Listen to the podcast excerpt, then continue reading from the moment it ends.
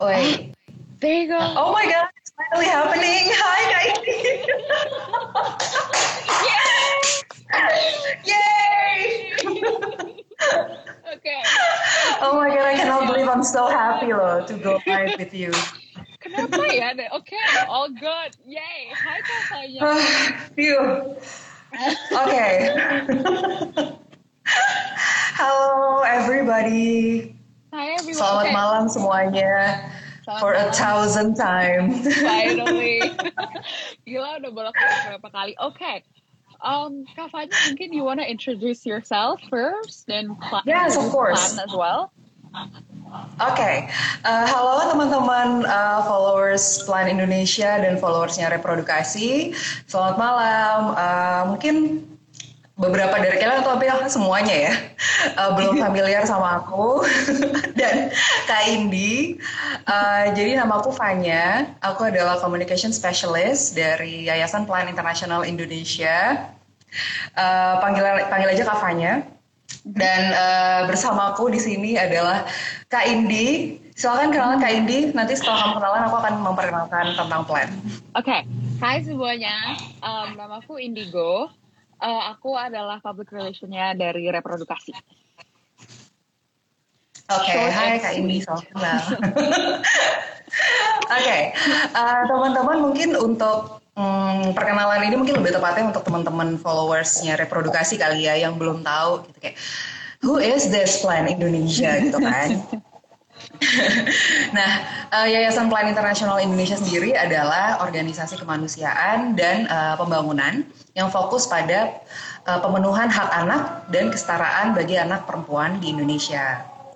Nah, eh, kami ini sudah beroperasi di tujuh provinsi dan 16 kota dan kabupaten di seluruh Indonesia. Dan proyek-proyek kami ini sebenarnya mencakup banyak sekali apa ya aspek gitu. Di antaranya adalah eh, perlindungan dan tumbuh kembang anak, terus eh, kesehatan dan penguatan kapasitas diri remaja, kemudian ada ketenaga kerjaan dan kewirausahaan kaum muda, dan yang terakhir adalah uh, respons dan kesiapsiagaan terhadap bencana gitu. Nah, so that's about Plan Indonesia. Kalau reprodukasi apa sih ini kak reprodukasi mungkin untuk teman-teman uh, followersnya Plan Indonesia yang baru kenal nih. Yes. Um, jadi reprodukasi itu organisasi yang lumayan baru sebenarnya ya. Kita berdiri di Juli tahun ini, Juli 2020. Jadi reprodukasi by seribu tujuan sebenarnya adalah komunitas Australia Indonesia yang bertujuan untuk merancang dan memberikan pendidikan kesehatan seksual dan reproduksi yang berkualitas dan yang paling penting gampang diakses di Indonesia. Karena kayaknya yang menjadi kendala adalah akses ya akses dan yang berkualitas itu. Jadi reprodukasi serves to apa bridge that gap. Oh, that's very interesting. Dan uh, sejalan banget ya sama apa apa yang dilakukan sama Plan Indonesia gitu.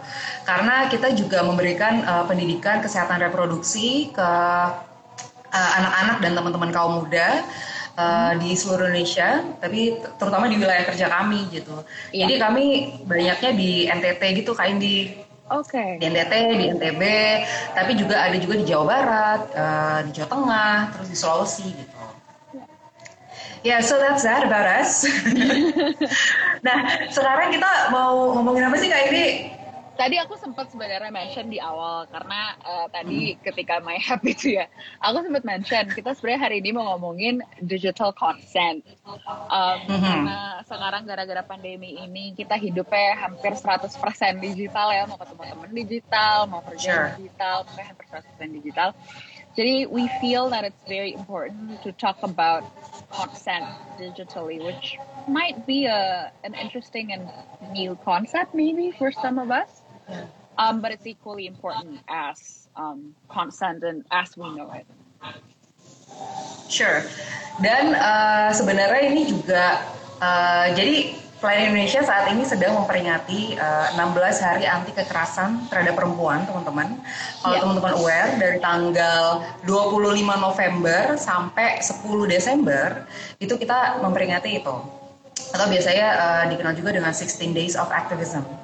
Nah, eh, di Plan Indonesia sendiri, eh Plan Internasional sendiri mungkin aku minta izin kali ya kak untuk jelasin tentang kampanye 16 hari kekerasan terhadap perempuan ini dulu. Mungkin sebagai, you know, untuk konteks besarnya kenapa kok tiba-tiba kita ngomongin consent online ya out of the blue gitu kan. Ya. Jadi emang ya. uh, Plan internasional sendiri uh, secara global itu kita memang setiap tahunnya selalu memperingati 16 hari kekerasan terhadap uh, anti kekerasan terhadap perempuan. Dan uh, tahun ini itu memang temanya adalah free to be online. Jadi ini masih tema lanjutan dari kampanye kita uh, International Day of the Girls Oktober lalu kak. Dan uh, kenapa sih kok uh, isunya ini gitu free to be online? Nah karena as we know uh, sekarang apa aktivitas online kan meningkat banget ya. Iya. Sedangkan uh, nggak cuman online, offline bahkan offline online tuh dua-duanya adalah lingkungan yang uh, quote unquote uh, risky dan uh, almost dangerous, hampir berbahaya bagi anak-anak dan uh, anak perempuan gitu karena mm-hmm. mereka bisa terdampak uh, banyak banget lah dampak yang bisa mereka dapatkan dan salah satunya adalah mendapatkan uh, pelecehan dan kekerasan uh, seksual secara online gitu. Jadi uh, waktu kita ngobrol-ngobrol ya kayak waktu plan sama reprodukasi ngobrol-ngobrol kita kayaknya wah ini uh, topik yang seru banget di konsen online untuk kita obrolin karena somehow it is related gitu. Yeah. Konsen online itu uh, one of the fundamentals untuk uh, menghindari uh, terjadinya uh, pelecehan atau kekerasan secara uh, seksual secara online, right? Yes, I agree. Gitu. Nah, uh, sekarang kita mau ngomongin consent online. But first of all, what is consent online? mungkin mungkin jangan bawa ranah online dulu ya. Mungkin kita ngomong hmm. consent titik. Like what is consent? Hmm. Mungkin kalau di hmm. bahasa orang awamnya kali ya, kalau ditranslate bahasa Indonesia itu kan sebenarnya kasarnya minta izin ya. Jadi kalau misalkan if we put it into sentence gitu sebenarnya consent adalah segala bentuk persetujuan dari antara dua belah pihak untuk sesuatu terjadi atau untuk melakukan sesuatu. Jadi izin ini nih izin di awal. Um, sebenarnya consent sendiri ini ada tiga elemen.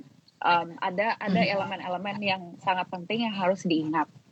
Jadi mungkin uh, tiga elemen konsen yang apa yang sangat dasar ya yang sebenarnya sangat dasar adalah konsen itu harus sepenuhnya diberitahukan. Uh, dari antara dua belah pihak itu tidak ada seseorang yang harus melakukan sesuatu yang sebenarnya tidak ingin mereka lakukan. Dan konsennya ini tuh harus jelas. Harus benar-benar nggak boleh vague nggak boleh kayak ya kira-kira ngerti lah ya maksudnya gitu tuh nggak boleh. Hmm. beneran harus jelas um, apa namanya uh, dan selain itu juga yang penting juga yang harus diingat adalah ketika kita misalkan di awal nih kita udah bilang iya gitu oke okay, ngasih izin atau mau whatever it is that you're agreeing to terus tiba-tiba berubah jadi tidak itu juga valid so consent is mm-hmm. not kayak a one ticket for all gitu kayak kalau misalnya yeah. somewhere down the line mau change their mind itu juga bisa jadi konsen itu ada bukan sesuatu yang permanen. Ya bisa berubah menjadi tidak kapan pun. Dan itu tuh nggak okay. apa-apa. Setuju. Uh, tapi uh, that's a good uh, point actually. Waktu Kak ini bilang bahwa uh, ini sebenarnya mungkin in a way ada expired date-nya ya, mungkin bisa dibilang yeah. kayak gitu ya. Yeah. Jadi itu nggak applies forever gitu. Nggak no. kayak saat uh, gimana ya? Mungkin kita kasih contoh kali ya supaya jelas gitu ke teman-teman. Let's say uh, mungkin apa namanya? Aku mau nge-share foto Kak Indi gitu. Mm. Kita udah foto bareng nih, kita ada foto yeah. bareng ya mungkin atau uh, fotonya ini uh, mungkin bajunya agak sedikit terbuka let's say hmm. gitu atau apa pun lah foto kita berdua lagi kita yeah. lagi nongkrong gitu yeah. dan uh, menurutku untuk aku ngepost foto itu I have to ask you first gitu aku harus yeah. minta persetujuan Kak Indi untuk kayak hello Indi is it okay kalau misalnya aku ngepost ini gitu yeah. di Instagram aku gitu dan misalnya yeah. kalau ternyata in the future uh, Kak Indi bilang eh tolong dong diturunin fotonya uh, di archive di Instagram yeah, karena yeah. mungkin kak ini ngerasa nggak nyaman dengan foto itu ya itu adalah hak kak ini gitu dan yeah. uh, aku sebagai meskipun itu Instagramku tapi kan itu ada mukanya kak ini yes gitu Yes. Iya, iya, iya. That's very important. Itu penting banget. Terus kayak pokoknya enggak, it's not a one ticket for all gitu. Bukan berarti minta mm-hmm. izin. Misalnya minta izinnya yang kayak uh, apa ya? Contoh lain. Uh, gue boleh masukin lo ke grup chat A? Enggak. Itu kan sebenarnya juga harus minta izin yeah, yeah, karena kan uh, apa itu nanti nomor telepon ke share apa namanya WhatsApp ke mm-hmm. share atau apa Facebook ke share apa pun lah grup chat dalam bentuk apa pun. Bukan berarti ketika aku sudah mengizinkan untuk oh ya udah boleh kok masukin ke grup chat A bukan berarti kan ranahnya adalah boleh izin masuk ke grup chat enggak gitu. Belum tentu aku mau masuk ke grup chat B ya betul. Jadi kayak memang memang kesannya ini ya tapi in every step for you to be safe and for for you to respect other people's boundaries juga mending nanya. Every step of the way itu mending nanya boleh nggak ya. masukin grup chat A? Boleh nggak masukin grup chat B? Kayak sebenarnya nanya kayak gitu nggak ini apalagi ini. Saya it takes one text to ask you know? But that happens a lot of time loh kak, ya nggak sih? Yes, apalagi sekarang. Apalagi sekarang mungkin dalam konteks personal atau profesional dalam konteks kerjaan juga kayak tiba-tiba loh hmm, kayaknya aku nggak pernah menyetujui iya, untuk masuk di grup ini. Bingung ini grup chat apaan? Siapa juga isinya? Betul betul. Pusing. nah ini juga uh, menurutku berlaku uh, apalagi sangat berlaku untuk kegiatan-kegiatan yang mungkin ranahnya lebih ke seksual ya yes. Kayak apalagi if you ask for nudes gitu. Atau if you ask for pictures let's say. Yes. untuk uh, pacar misalnya. Uh-huh. gitu. Uh, saat dia ngasih foto dan dia sudah uh, consent untuk memberikan foto atau memberikan informasi apa pun itu personal tentang dirinya itu uh, kewajiban kamu untuk ya. apa namanya keep foto itu atau keep informasi ya. data itu gitu secara uh, personal dan uh, kamu nggak punya hak untuk menyebarkan itu ke yang lain karena uh, dia pun juga ngasih konsennya adalah untuk kamu gitu to have it gitu. Mm-hmm. Mm-hmm. Yeah. Itu justru nah, yang banyak terjadi uh, sebenarnya. Mm-mm. Disebar-sebar itu yeah, kan terjadi kan. Iya, sayang banget ya. Sayangnya. ya. Mm. Nah, uh, kenapa sih kenapa konsen ini jadi penting ya? Oke, okay, jadi kita harus kalau ngomongin kenapa konsen itu penting, kita kayaknya harus balik ke dasar lagi ya. Konten itu kan, eh hmm. konten, konsen itu kan sebenarnya minta izin nggak cuma di hmm. dunia uh, digital doang gitu. Dalam dunia dokter ada yang namanya informed consent. Dalam dunia seksual ada yang namanya sexual consent. Kayak consent itu sebenarnya ada di mana-mana. Kenapa consent itu menjadi penting? Karena sebenarnya consent itu cara kita untuk draw boundaries, untuk menggaris di mana sih batas-batas kita sebenarnya batas kita nyaman, batas kita merasa aman, ataupun sebenarnya batas-batas yang uh, menjadi batasan antara mana yang legal yang mana yang enggak, mana yang crime yang mana yang bukan juga sebenarnya. Jadi kenapa konsen itu menjadi penting? Bukan hanya kita draw boundaries for ourselves, tapi kita sebagai orang yang mungkin nanya konsen itu juga menunjukkan bahwa kita menghargai kalau orang lain yang kita apa orang lain kita berinteraksi itu juga punya batasan-batasan mereka sendiri. Uh, kalau kita nggak respect batasan-batasan itu bisa menyebabkan emotional pain physical pain atau uh, tanpa kita sadar mungkin apa yang kita lakukan ternyata menjadi kejahatan atau crime. Like legally it's a crime. Kayak contoh misalnya um, you don't know who you're talking to on Instagram. Itu juga banyak kejadian ya. Kayak kan you know some, not a lot of people put their real information. Terus before you know it ternyata uh, you just send a picture misal provokatif picture misalnya ke a 14 year old hmm. itu kan menjadi kejahatan ya menjadi crime atau mungkin I don't know you send you send a picture for someone who's in a relationship atau who's really just not comfortable we're seeing with mm-hmm. seeing provocative pictures jadinya dia yang kayak trauma sendiri atau mungkin mm-hmm. gak deh gue gak mau pakai social media lagi gitu mm-hmm. so you you really never know people's boundaries are very different jadi asking for consent is important because you have to respect other other people's boundaries itu ya. sih sebenarnya uh, dan tadi aku uh, highlight poinnya Kak Indi yang bilang bahkan nggak cuman uh, apa namanya menyebarkan tapi mengirimkan foto ke orang lain itu juga kita butuh persetujuan dia loh untuk iya uh, do you want to receive the photo or not gitu karena yes. kalau enggak ya itu jadinya juga tindakan yang mm, bisa yeah. bahkan uh, yeah, yeah, yeah, sure dan it, it could lead to a crime actually yeah. kan yeah. jadi uh, teman-teman harus hati-hati ya nggak cuma yeah. jadi gak cuma menerima tapi uh, mengirim gitu. Jadi sebenarnya it, it serves to protect both parties ya sebenarnya konsep hmm. itu pada dasarnya I'm talking from the basic konsen itu memprotek both parties bukan cuma yang ditanya hmm. tapi juga yang bertanya. Hmm. Karena kalau you value boundaries balik lagi kalau kalau melanggar boundary orang tuh kita nggak tahu itu uh, konsekuensinya bakal ke mana. Ya, dan uh, aku setuju dengan poin never assume gitu. Kayak mungkin bisa jadi, oh nggak apa-apa lah, dia lebih tua kok, dia pasti ngerti lah kalau aku ngirim kayak gini. No, jadi no. jangan pernah berasumsi. Always, always ask. Yes is a yes. Other than yes, is a no. always consider it as a no. Yes. itu sih yang paling penting ya itu juga kayaknya harus di highlight hmm. apa kalau nggak ada kata iya ya berarti enggak hmm. itu sih yeah. yang paling penting juga kalau dia nggak ngomong iya tuh udah deh jangan deh mending asumsikan aja Benar -benar. itu sebagai tidak atau kalau misalnya dan mungkin bisa apa ya uh, belajar untuk membaca situasi juga gitu kalau misalnya yeah. dia bilang iya tapi uh, nanti dulu deh gitu mm -mm. ya udah ditunggu iya. aja uh, iya. sabar mungkin uh, dia belum tentu uh, siap pada saat kamu nanya gitu iya dan iya. mungkin juga kan gak semua orang bisa assertive ya kayak iya. bisa langsung bilang enggak iya. gitu mm-hmm. itu sih Jadi sebenarnya yang di luar sana.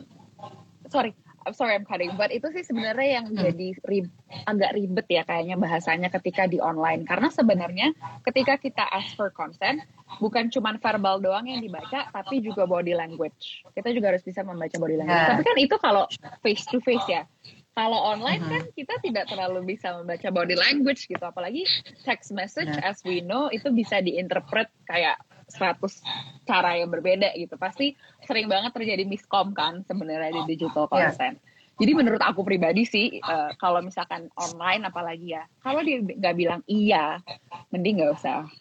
Karena benar-benar nggak tahu, benar-benar nggak tahu body language-nya, kita benar-benar nggak tahu apa tone intonasi yang dipakai dalam text message itu, gitu segala macam.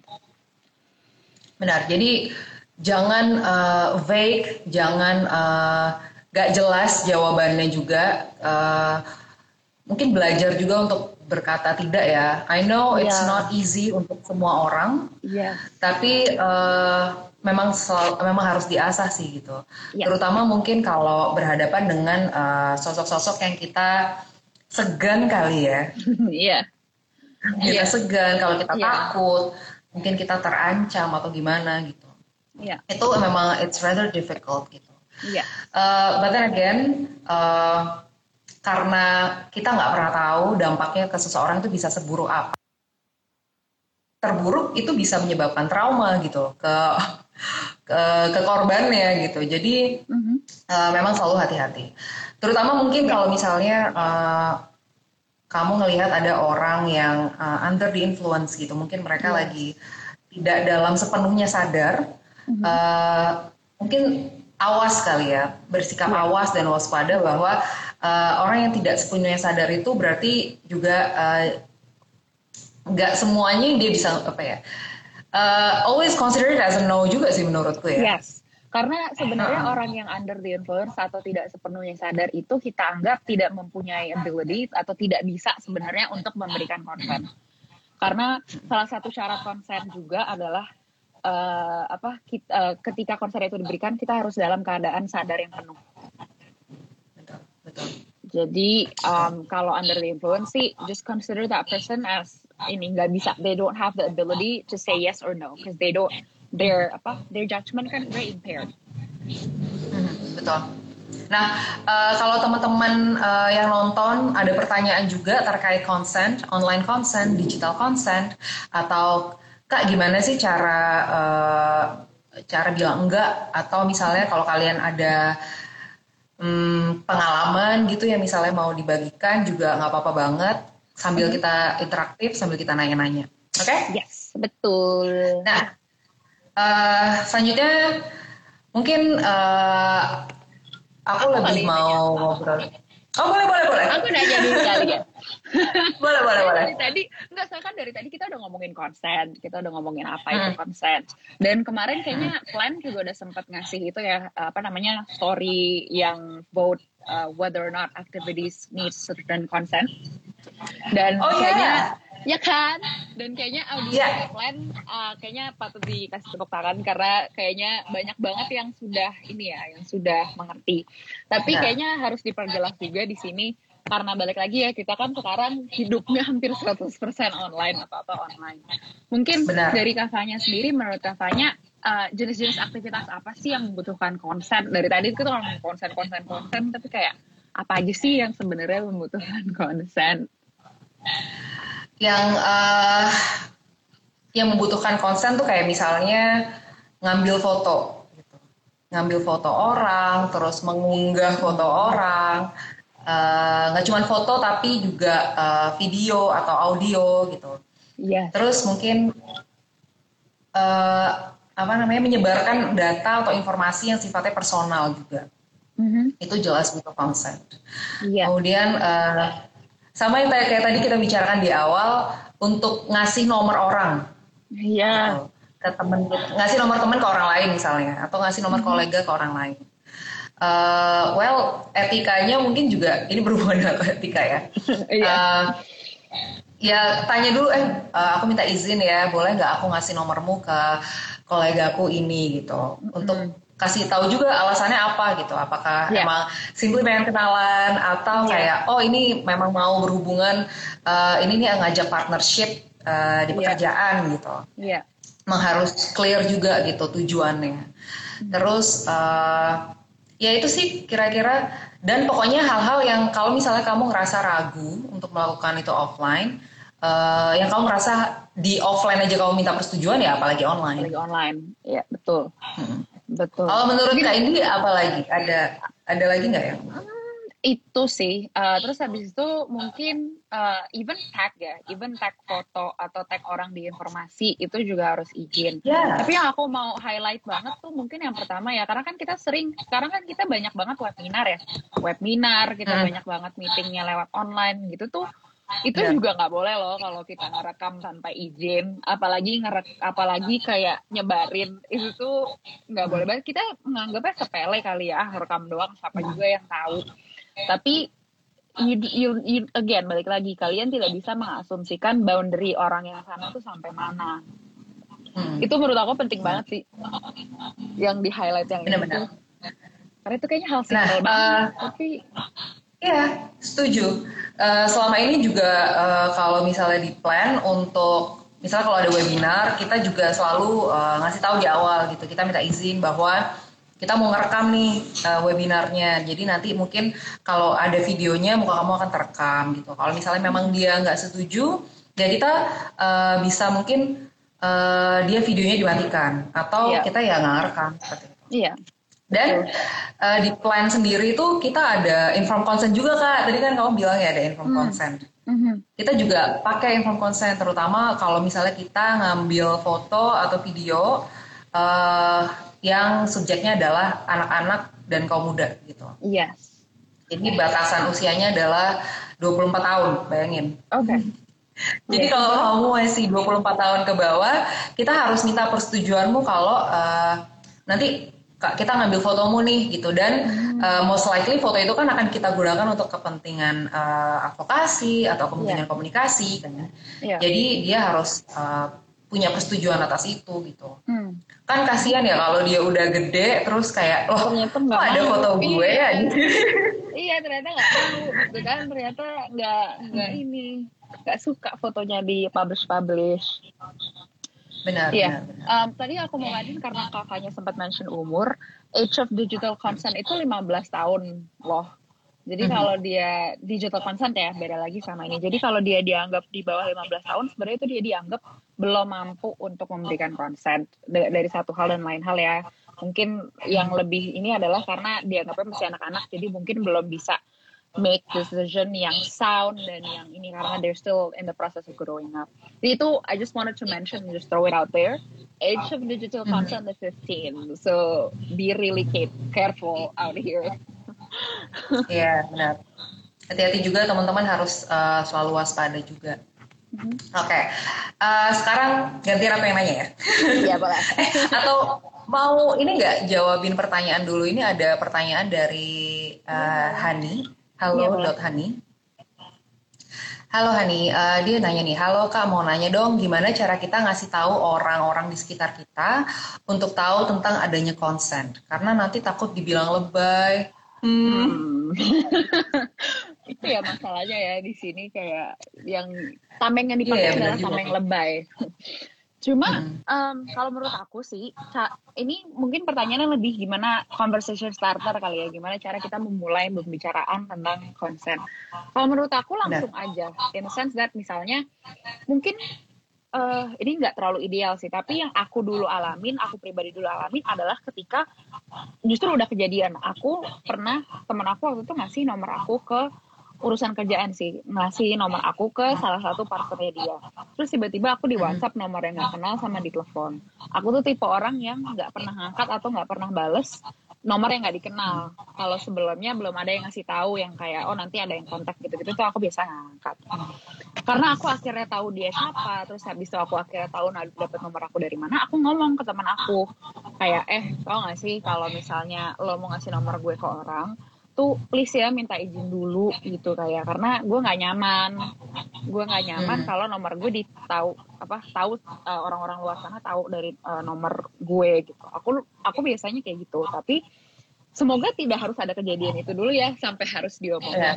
kalau nggak ada ya just bring it up kalau menurut aku in a normal conversation jadi hmm. bisa bisa bukannya kayak kita tadi mungkin yang kayak eh sekarang kan semua orang pakai online ya kalian tahu nggak sih sebenarnya kita tuh harus minta izin kayak apa namanya untuk urusan dibilang lebay apa enggak selalu ada itu ya maksudnya selalu ada resiko kita dibilang lebay Benar. tapi menurut aku nggak usah mikirin yang orang lain bakal ngomong apa dulu karena sebenarnya dengan kita membicarakan konsen itu apa atau adanya the existence of the concept consent it itself menurut aku itu kamu hanya menyuarakan level comfortable kamu di mana. Kayak betul. eh uh, di sini loh aku tuh nggak nggak senang kalau gini gini gini sebenarnya ada loh yang namanya konsen. Dia kan kamu hanya ingin menginformasi orang lain ya. Itu sebenarnya nggak masalah kalau dia bilang lebay apa enggak ya it's out of your control sebenarnya. Orang mau ngomong yeah. apa tentang kamu mau ngomong apa juga it's it's not not within your control. Jadi menurut aku langsung. Benar. Uh, dan menurutku juga uh, mungkin kita nggak nggak perlu terlalu preachy juga ya. Maksudnya kayak hmm. kita santai aja diskusi kayak ngobrol. Eh lu tahu nggak sih kalau ternyata Uh, atau mungkin bisa pakai live ini nih buat bahan iya. kalau misalnya Hani mau ngomong ke teman-teman kayak eh kemarin kalian nonton gak sih live-nya Plan Indonesia sama reprodukasi masa gue baru tahu kalau ternyata hmm, hal-hal kayak gini tuh butuh persetujuan gitu hmm. kalau ternyata si nomor butuh persetujuan masukin orang ke grup tuh butuh persetujuan orang itu aku gue baru tahu loh gitu menurut kalian gimana gitu. ya. jadi uh, menurutku juga penting untuk membuka ruang diskusi ya Iya. Jadi uh, supaya uh, apa namanya kita sama-sama mencapai satu pemahaman itu secara bersama dan eh, nggak uh, ada kayak apaan sih lo? Lebay banget gitu. Apaan sih lo? Hmm. so tau banget gitu. Jadi emang bukan tone mungkin bukan ngajarin tapi lebih yes. sharing gitu kalinya kayak iya. Iya. Selalu tone sharing great. oke. Semoga menjawab ya Hani Teman-teman lain kalau mau ada pertanyaan juga silakan uh, sambil kita ngobrol lanjutin. Hmm, nanti kita akan jawab-jawabin kalau misalnya ada pertanyaan. Iya, betul. Oke. Okay. Uh, eh, tadi aku mau nanya nih, terus kepotong. uh, mungkin aku lebih ini sih kak, kayak aku tuh kan kadang juga nggak enakan ya kalau mau bilang enggak gitu. Hmm. Aku bukan orang yang uh, gampang apa ya bukan asertif juga gitu jadi yeah. uh, aku yeah. selalu banyak mikir gitu gimana ya orang ini kalau misalnya aku bilang enggak dia marah nggak ya dia akan temenan lagi sama aku nggak ya gitu mm. malah aku justru takut dimusuhin gitu nah. Iya. uh, gimana ya cara membangun keberanian ini supaya aku juga bisa siap untuk bilang enggak gitu mungkin ke depannya ya mungkin um, yang harus diingat dulu karena kan sebenarnya itu tricky karena itu uh, suka nggak suka sudah menjadi bagian dari culture kita ya nggak enakan gitu kayak gimana ya apalagi kita kan ada yang ini maksudnya kita sangat menghormati orang tua kan. Atau yang lebih tua nggak usah orang tua pokoknya siapa pun yang lebih tua tuh pasti kita ini. Um, menurut aku penting banget aku tuh senang orangnya balik ke dasar. Jadi hmm. sebenarnya kita harus ingat dulu uh, saying no atau mengatakan tidak itu sebenarnya hak kita. Um, bukan berarti kita karena kita tinggal di apa culture yang sebenarnya apa apa nggak enakan bukan berarti kita juga apa apa harus bilang iya karena kita nggak enak akan menyinggung perasaan orang atau gimana segala macam. Menurut aku um, enggak itu adalah hak pertama dan kedua ketika kita mau bilang enggak sebenarnya sebenarnya kita tidak harus tidak perlu terlalu memikirkan nanti dimusuhin apa enggak nanti dia nggak enak apa enggak eh nanti dia apa tersinggung apa enggak atau nanti dia karena pasti kan kita ketika kita bilang enggak itu ada alasannya ya. Um, betul. bisa bisa bisa memang nggak bisa atau mungkin belum siap atau mungkin nggak comfortable atau mungkin banyaklah alasannya ya. Jadi sebenarnya kalau kita udah mencapai keputusan kita mau bilang enggak itu kan udah ada alasannya. Dan biasanya hmm. balik lagi ke yang aku bilang tadi boundary kan. Sebenarnya itu batasan ya. uh, kalau di atas sudah batas itu udah nggak nyaman, udah nggak mau. Gitu. Jadi bilang enggak, yang harus diingat bilang enggak adalah right kita pertama, hak kita, dan kedua jangan terlalu mikirin orang lain dulu sebenarnya. And it takes practice ya. It, it, enggak ini tuh bukan yeah. sesuatu yang sure. bisa langsung gitu. And I know aku ngomong kayak gini kedengarannya gampang banget. Tapi dulu aku juga orangnya nggak enakan. Dulu tuh aku apa-apa yang kayak ih kalau nanti bilang enggak enggak uh, dikiranya teman yang I'm a bad friend atau yang kayak apa yeah. males orangnya atau apa ih sombong deh dia apa apa bilang iya. Yeah. kan? Pasti banyak yang ngomong kayak gitu. Tapi lama-lama akunya juga tertekan ketika aku bilang iya tapi aku sebenarnya nggak mau. Itu kan yang rugi sebenarnya siapa kalau bukan kita? Dianya mah enak mungkin Betul. akhirnya kita pergi sama dia atau akhirnya kita ditemenin atau you know all of that stuff. Tapi kita yang melakukan kan sebenarnya nggak enak jadi yang harus diingat itu tiga.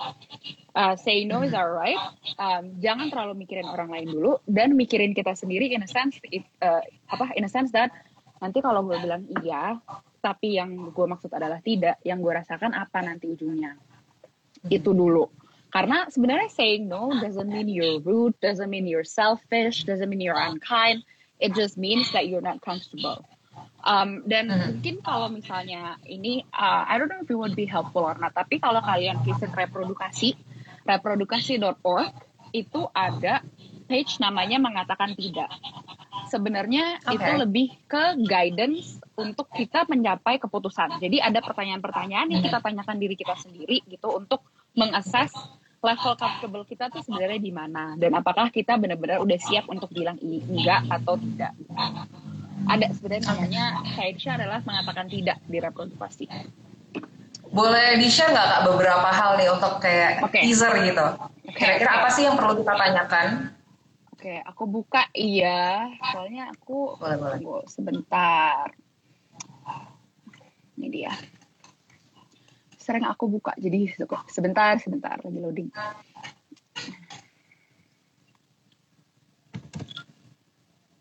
Mungkin ini lebih kayak uh, kalau teman-teman bingung mungkin lebih kayak pertanyaan yang ditujukan ke diri sendiri gitu sebelum uh, kalau misalnya kita benar-benar nggak yakin ini sebenarnya uh, do I need to say no apa kayak how do I say no gitu itu kita mungkin ini bisa membantu kita ya yes oke okay.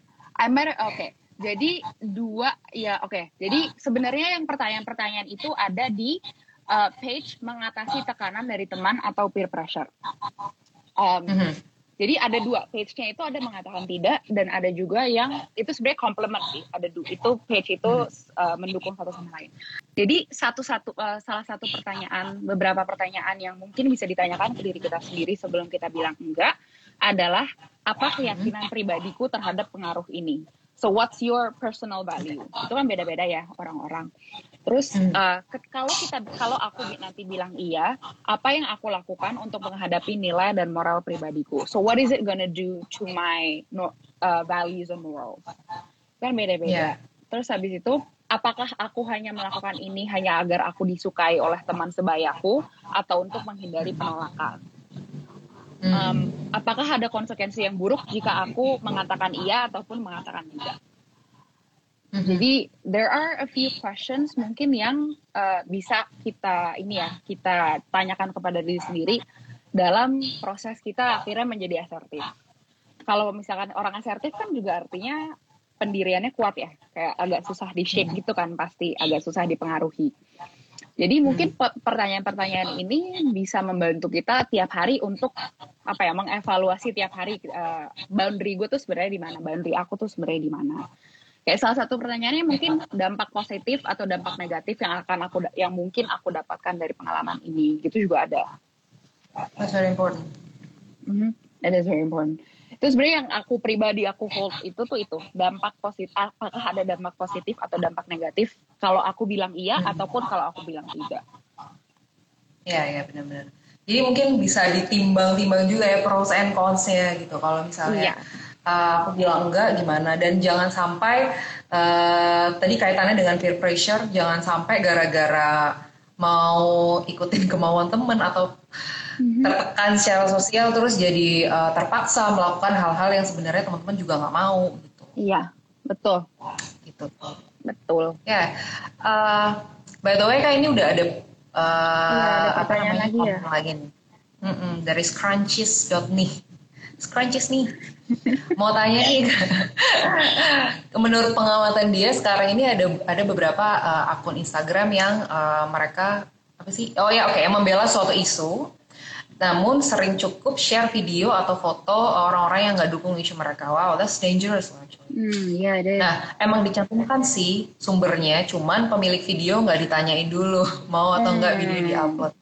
Dan akibatnya itu jadi kena bully sama followers akun IG yang share tadi. Okay. That's exactly yang kita maksud gitu kan. Bahwa yeah. ini adalah dampak dampak buruk kita nggak pernah tahu dampaknya gimana gitu ke orang yang hmm, apa ya mungkin dalam tanda kutip korbannya ya ini ya gitu, ya. yang diupload gitu. Kita nggak tahu kalau misalnya dia ternyata dibully terus uh, dia tertekan terus dia malah stres dan depresi itu juga jadi tanggung jawab orang yang share juga gitu. Betul, betul. Jadi, jadi kita memang uh, iya always always ask. Dan uh, ya memang ini juga mungkin salah satu apa ya uh, aku nggak yakin teman-teman juga semuanya tahu gitu. Tapi ada baiknya kita mulai menyebarkan info ini bahwa kalau mau nge-share uh, foto atau video orang, terutama ini tadi atas organisasi ya, itu sangat bahaya sih. Mungkin bisa orang-orang di dalamnya juga harus mulai uh, evaluasi gitu dan review tentang mekanisme upload uh, info foto video tadi sih. Betul. Uh, harus banget no continue dulu kak sebelum aku okay. lanjutin. Uh, nggak aku tadi cuma mau bilang intinya uh, nggak cuman yang penting tuh sebenarnya nggak cuman sumbernya tapi orang yang ada di video dan foto itu harus uh, mengizinkan gitu harus memperbolehkan foto dan uh, videonya apa namanya diupload gitu. Iya. Betul. Uh, dan ya tapi ini juga aku nggak yakin ya ini kan tadi kayaknya emang intensinya juga cukup uh, iya, buruk ya maksudnya. Kayaknya. Iya, intensinya adalah untuk malah menjatuhkan karena kan tadi yang dibilang adalah nggak mendukung isunya kan gitu. Kan ada cara lain. Itu. Iya gitu. Padahal ada cara lain untuk uh, mengubah persepsi atau pandangan orang tersebut tentang isu yang kalian bawa gitu.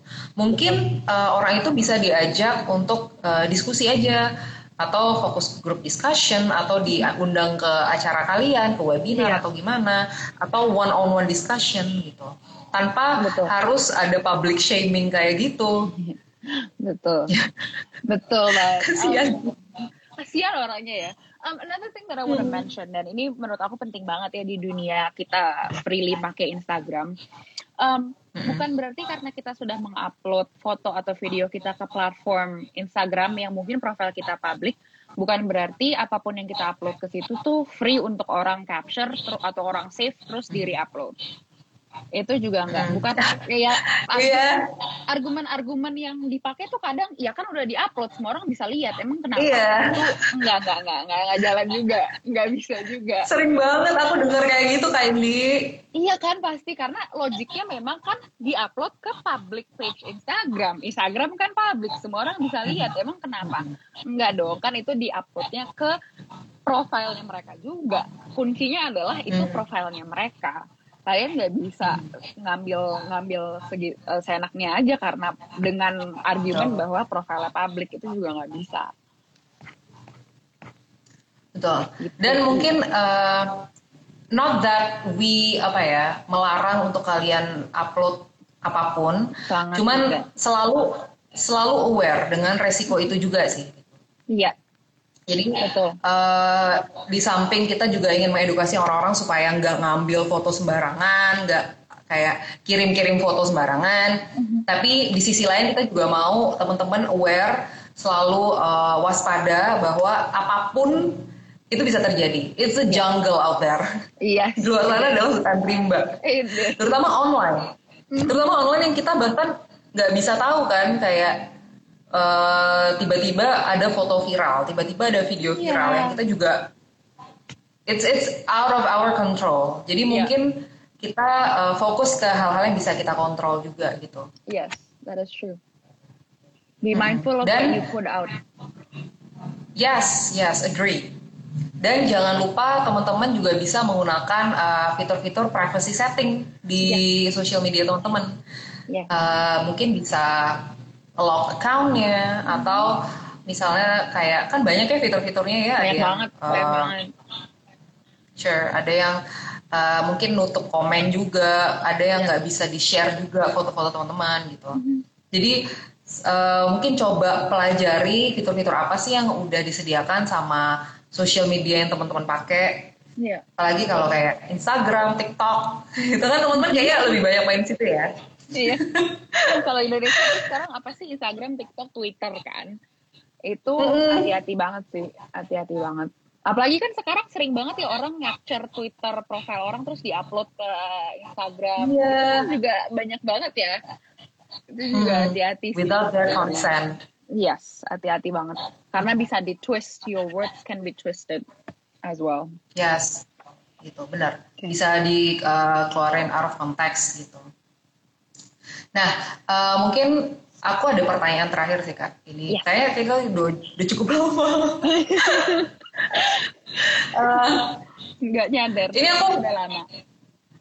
Lebih penasaran sih kalau misalnya uh, ini kita tadi udah ngomongin tentang uh, anak-anak ya penggunanya gitu. Tapi ada juga followers kita yang mungkin uh, udah punya anak gitu dan uh,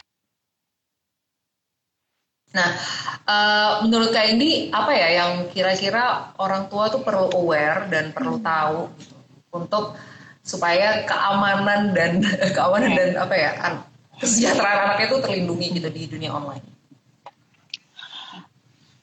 Aduh, itu juga ya.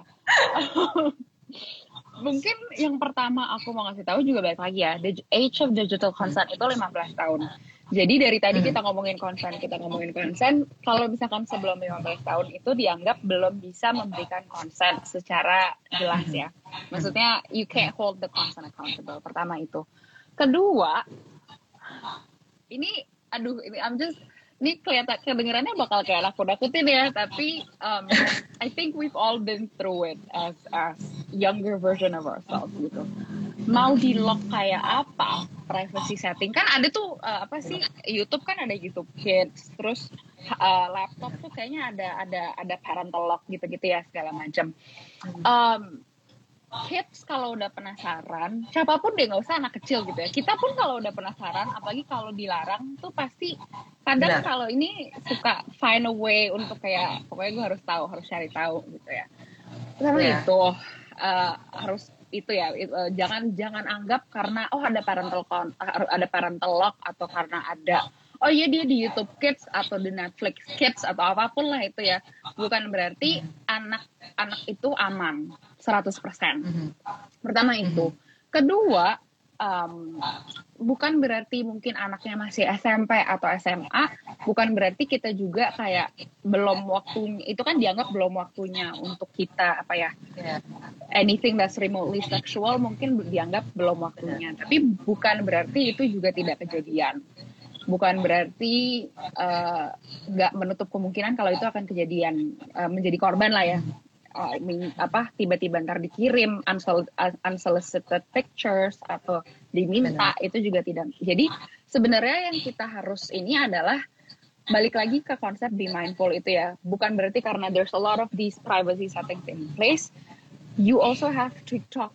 We have we have to start a conversation with our kids about consent as early as possible. Menurut aku. Agree.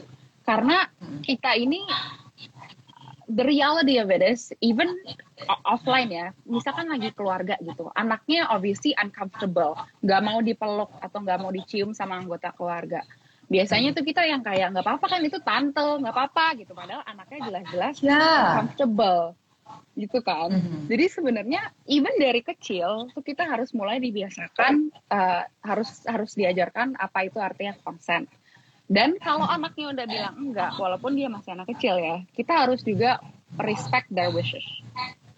Kayak kalau yeah. dia ya. bilang enggak, ya enggak. Jadi jadi ketika nanti itu kejadian, amit-amit, tapi kalau kejadian gitu, ketika dia bilang enggak, dia mengerti bahwa dia tidak bisa dipaksa tidak bisa di coerce ketika sudah bilang enggak ya enggak artinya enggak.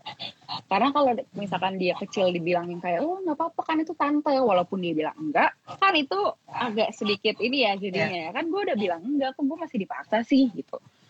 Jadi mungkin pertama itu. Terus kedua just don't take your eyes off of your kids phone. I'm not yeah. saying look through ya. I'm not saying look through their phones atau segala macam karena itu baik lagi consent and privacy. Cuma mungkin mm -hmm um, conversation itu jangan cuma sebatas konsen itu apa. Mungkin juga conversation conversation sesimpel yang kayak kalian tuh apa sih yang sekarang ditonton atau apa yeah. hari ini apa sih yang dilihat gitu nonton YouTube. I remember my parents used to do that to me gitu.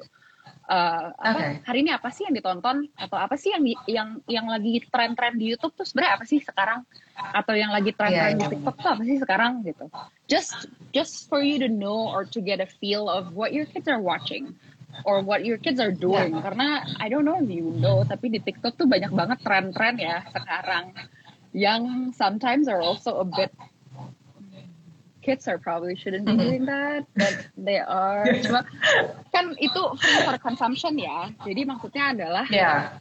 just just be mindful where your kids are watching by starting a conversation. Jadi jangan jangan jadi intrusif. Cuma maksudnya pertanyaan-pertanyaan seperti itu sebenarnya bisa mengindikasi apa yang mereka lakukan atau apa yang mereka nonton, apa yang mereka anggap oke okay dan tidak oke okay juga sebenarnya itu bisa terindikasi dari pertanyaan-pertanyaan simpel kayak gitu.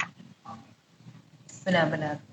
You know what? Uh, now that we're talking about it, I remember uh, Plan Indonesia ini juga ada mekanisme loh kan, namanya mekanisme uh, mekanisme perlindungan diri untuk anak, namanya No Go Tell. Oke. Okay. Jadi uh, kita selalu mengajarkan anak-anak untuk supaya pertama berani untuk bilang enggak. Kalau misalnya dia sudah merasa tidak nyaman atau uh, apa namanya uh, misalnya di, disentuh atau diajak atau di diajak ngobrol atau kayak udah mulai ada indikasi-indikasi ke arah pelecehan atau kekerasan, yeah.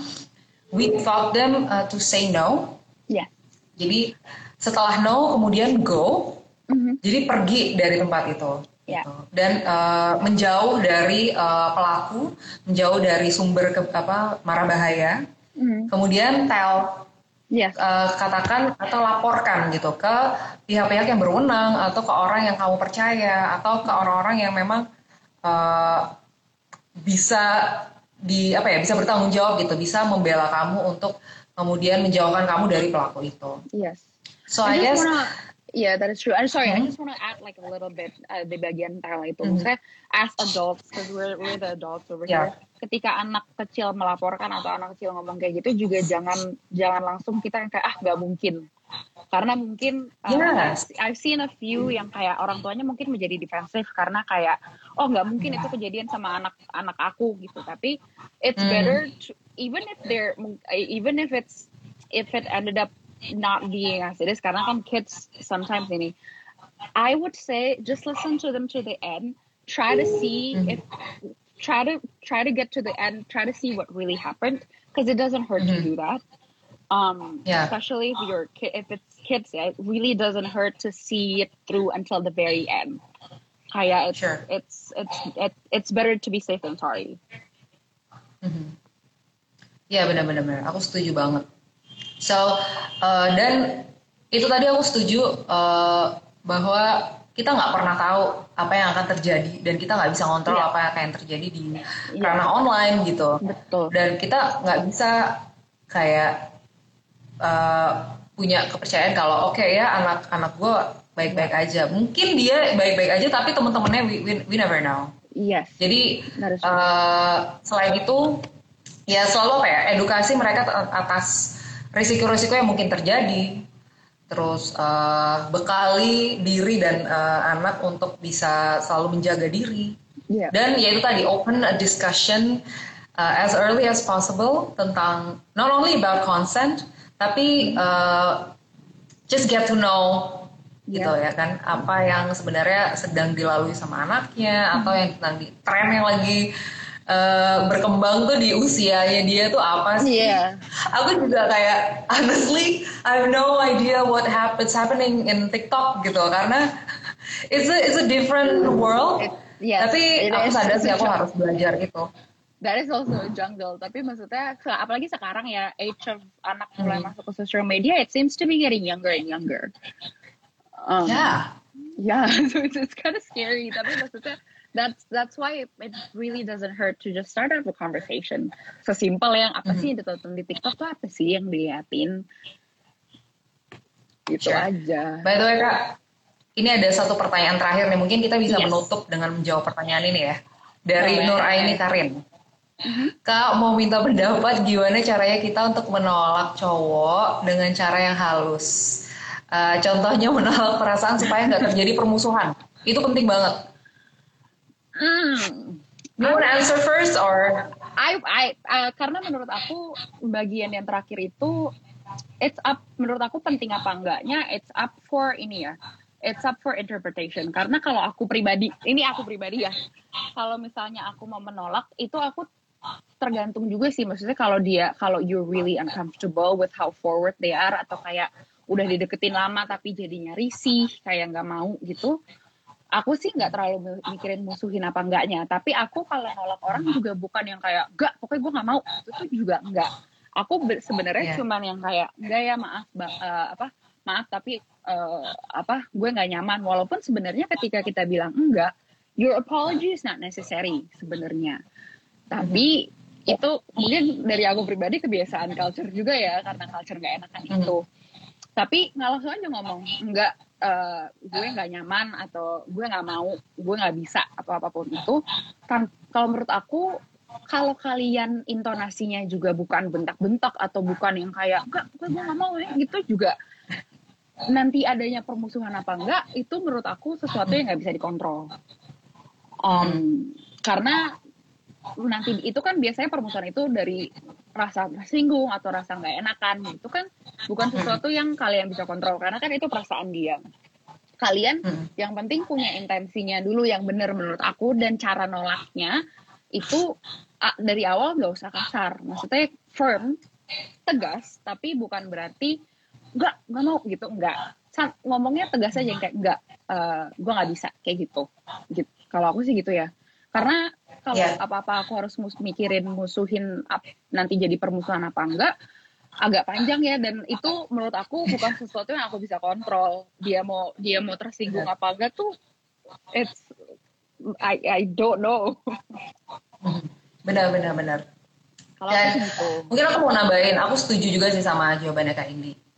Uh, yang mau aku tambahkan adalah uh, mungkin kalau misalnya kita cuma bilang enggak, people will not understand. Ya. Tapi coba kamu kasih alasannya juga gitu. Mm. Try to rationalize your answer coba tolong di apa ya dijustifikasi dan dikasih rasionalisasinya yeah. gitu kayak oh uh, maaf ya aku nggak bisa uh, pacaran sama kamu ini kan apa ini uh, menyatakan perasaan ya misalnya ya, pacaran iya pacar menolak perasaan ya, kan? menolak perasaan maaf ya uh, dan oh ya dan uh, buk apa ya it's we're not saying no to the person but to the action kan gitu kayak yes. oke okay, mungkin uh, maaf ya kita uh, aku nggak bisa dulu pacaran sama kamu let's say you're a good person tapi memang aku belum siap untuk pacaran let's say you have yeah. you have your reasons gitu kamu pasti punya alasannya yeah. kenapa kan nggak mungkin tiba-tiba kayak ya enggak aja gitu enggak yeah. itu kenapa mungkin yeah. Uh, tapi aku ngerasa kita nggak ada kecocokan misalnya hmm. atau uh, aku nggak dibolehin pacaran gitu. Iya, iya, apa itu alasan? Bisa juga, iya. Um, tapi hmm. I just wanna reassure those yang mungkin juga nggak nyaman kali ya untuk menyatakan alasan. Either way, hmm. menurut aku ini. Tapi I just wanna I just wanna advocate for those yang menurut yang mungkin tidak terlalu nyaman untuk menyatakan alasannya kenapa. Gak apa-apa hmm. kalau kalian bilang enggak tanpa alasan itu bukan berarti your no is less valid menurut aku. Karena yeah, aku sure. tergantung juga sih tergantung orangnya. Aku kadang nyaman memberikan alasan, aku kadang nyaman tidak mem aku kadang tidak nyaman memberikan alasan. Tapi in either one of those scenarios, menurut aku no is a no. Mm-hmm. Gitu sih. Iya ya benar-benar benar. Dan ya semoga yang menyatakan perasaan juga juga harus berbesar hati loh kan ini hmm. saat kamu nembak kan ada 50% chance iya. untuk kamu ditolak dan diterima right betul betul sekali dan kalau misalkan yang itu nantinya nantinya juga tersinggung atau ini segala macam hmm. menurut aku just give them time balik lagi ya urusan konsen dan hmm. urusan boundary gitu kan um, yeah, just sure. give them time menurut aku sih jangan maksa juga yang kayak pokoknya kita boleh musuhan gitu karena it's it's it's really out of your control Benar, benar banget. Wow, it's been an hour loh kak. Gak nyadar loh. Yes, it's been an hour. Uh, karena ini aku udah gak ngeliat ada pertanyaan lagi, so I guess kita udah bisa nutup sesi Instagram Live kali ini kali ya kak. Thank you so much ya Kak uh, for this opportunity. Yeah, thank you so much Kak Indi udah mau ngobrol-ngobrol tentang online consent Uh, semoga teman-teman uh, juga bisa lebih paham, bisa lebih ngerti tentang konsen online, kenapa itu penting, terus gimana sih cara ngasihnya, apa iya. hal-hal yang membutuhkan konsen online. Kalau misalnya teman-teman ternyata masih ada pertanyaan, boleh banget uh, eh, DM kita at Plan Indonesia atau at Reprodukasi. Nanti yeah. uh, kita akan ready untuk jawab pertanyaan kalian. Betul. Well, jangan lupa juga follow Instagram Plan Indonesia dan at reprodukasi. Uh, mungkin bisa tukeran. Iya, tukeran. Iya. Uh, reprodukasi juga ada uh, ya, reprodukasi.org. Yes. Kalau kalian masih mau apa learn more about consent or learn more about saying no, reprodukasi juga ada. Plan juga ada kan pasti. Yes, ada banget uh, websitenya di plan-international.org.id. Jadi jangan lupa teman-teman uh, jangan lupa juga ikuti rangkaian uh, kampanye anti 16 hari anti kekerasan terhadap perempuan uh, di akunnya Plan Indonesia sampai tanggal 12 Desember 2020. Yeay, terima kasih Yeay, banyak ya. Teman-teman udah stay tune. Thank you Kak Indi.